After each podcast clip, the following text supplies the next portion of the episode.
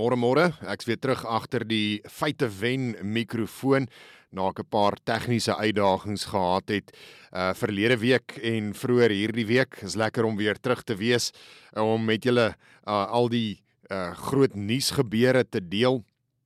Nou vir Kile en Balula het gister um in 'n TV-onderhoud aan die BBC gesê dat Suid-Afrika uh nie 'n mislukte staat is nie. Hy het gesê Uh dis 'n bietjie van 'n oordrywing.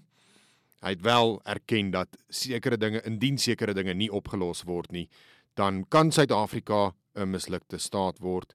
Maar volgens Fikile en Balula beweeg ons nie in daardie rigting nie. Dis natuurlik dieselfde man wat sê ons gaan beerdkrag teen die einde van die jaar oplos.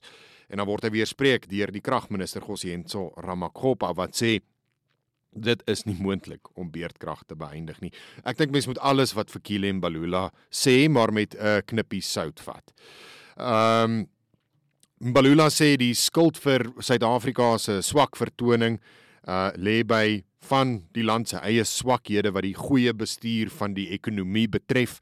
So is 'n baie mooi diplomatisiese manier om te sê ja, daar word korrupsie en bedrog gepleeg en ehm um, die staatskas word geplunder deur van ons kaders, maar hy sal natuurlik nie sê dat die ANC regering daarbey betrokke is nie.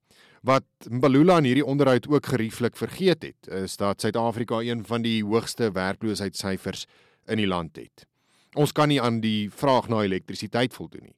Ons waternetwerke stort in duie. Ons sien nou wat gebeur in in Hammanskraal met die kolera uitbreking. Ons hoor wat gebeur in Parys en in Vredefort in die Vrystaat. Ons sien dat staatsondernemings soos die poskantoor en die SAL reeds in die grond in bestuur is. Ons het vanoggend het ek ehm uh, gesien Transnet sê hy kon verlede week sy treinspoor tussen Durban en Gauteng slegs teen 25% van die tyd bedryf. Hoe wil jy in en uitvoere en ekonomiese aktiwiteit in hierdie land bevorder as jy slegs vir 25% van die tyd wat daardie spoorlyn aktief moet wees, kan treine op daardie spoorlyn ry? Dit dui alles op 'n sukkelende, mislukte staat. Ons sien ekonomiese verval oral rondom ons. Ons is bewus van die wyd verspreide korrupsie. En dan uh, ek dink die regering en Fikile en Balula dink goed ons is nie 'n mislukte staat nie want die een ding waar ons nog ons mag kan uitoefen is oor ons grondgebied oor die territoriale staat. En hoewel daar geen dreigement van buite is nie daar's geen lande wat dreig om ons aan te val of in te val nie is die staat stelselmatig besig om sy mag te verloor aan diegene in Suid-Afrika. As ons kyk na wat gebeur uh, met die privatisering van byvoorbeeld uh jou eie veiligheid van uh onderwys en opvoeding van die kinders. Jy wil nie meer jou gesondheid. Jy wil nie meer hê dat die staat enigsins mag moet uitoefen en daardie mag het om uh sekere besluite te neem en um uh uh jou hande oor te laat eintlik aan die staat as dit kom by daardie dinge nie. Dit dit dit gebeur ook nou met met kragopwekking. En as mens gaan kyk na wat is die definisie van uh mislukte staat, dan sluit dit goed in soos uh 'n verlies van um uh territoriale beheer.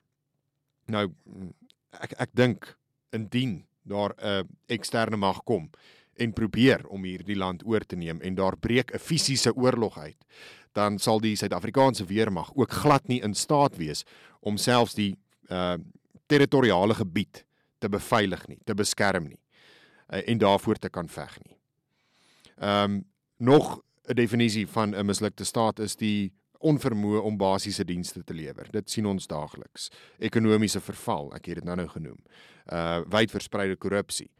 Uh sosiale of maatskaplike fragmentasie en etniese ehm um, uh etniese tension of uh ehm um, uh die verskillende rasse en kultuurgroepe in die land wat uh, al meer 'n wig tussenin gedryf word.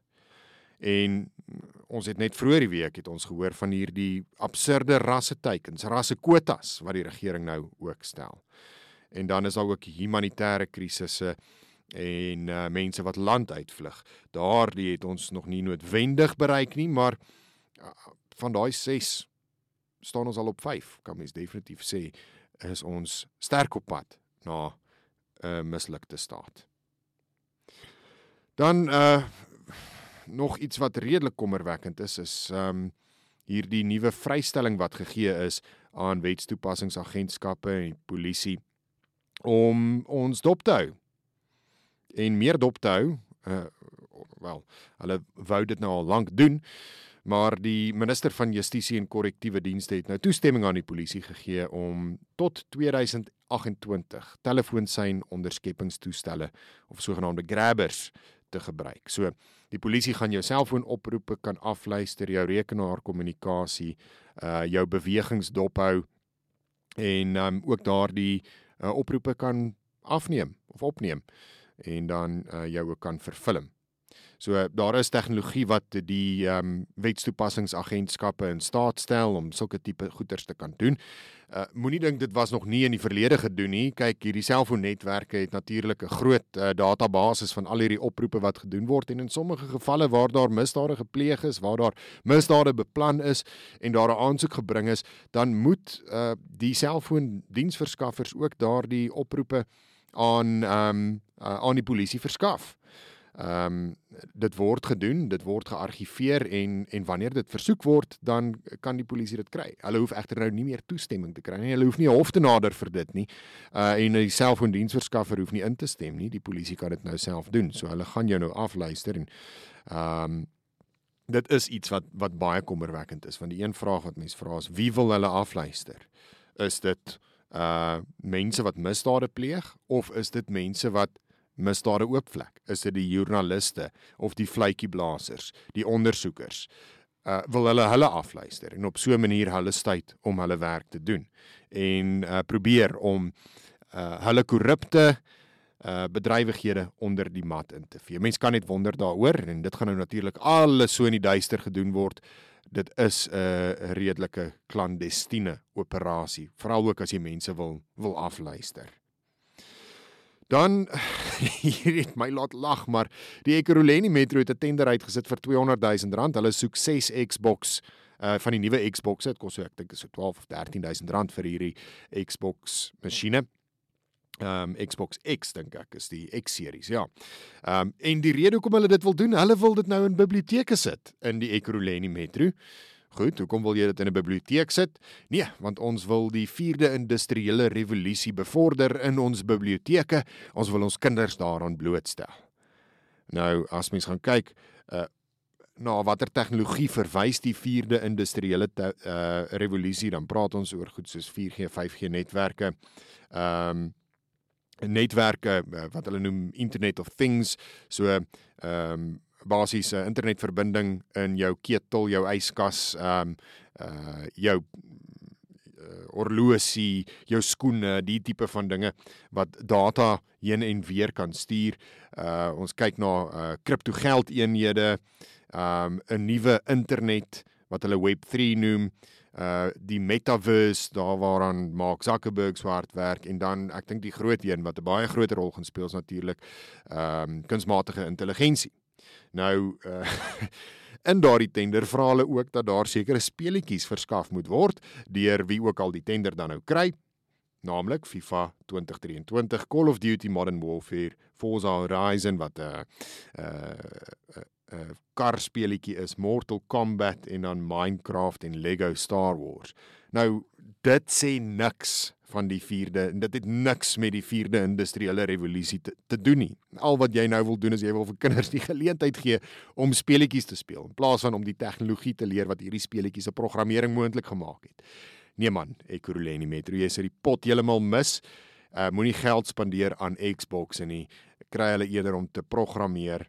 Uh sit dalk eerder 'n 'n boek oor JavaScript um en 'n boek oor Python in jou biblioteek as wat jy nou Xbox in jou biblioteek wil gaan sit. Dit gaan niks help nie. Dit gaan die kinders niks help met die skoolkurrikulum nie. Dit gaan hulle niks leer nie. Dit gaan in inteendeel dink ek gaan dit hulle net luier maak.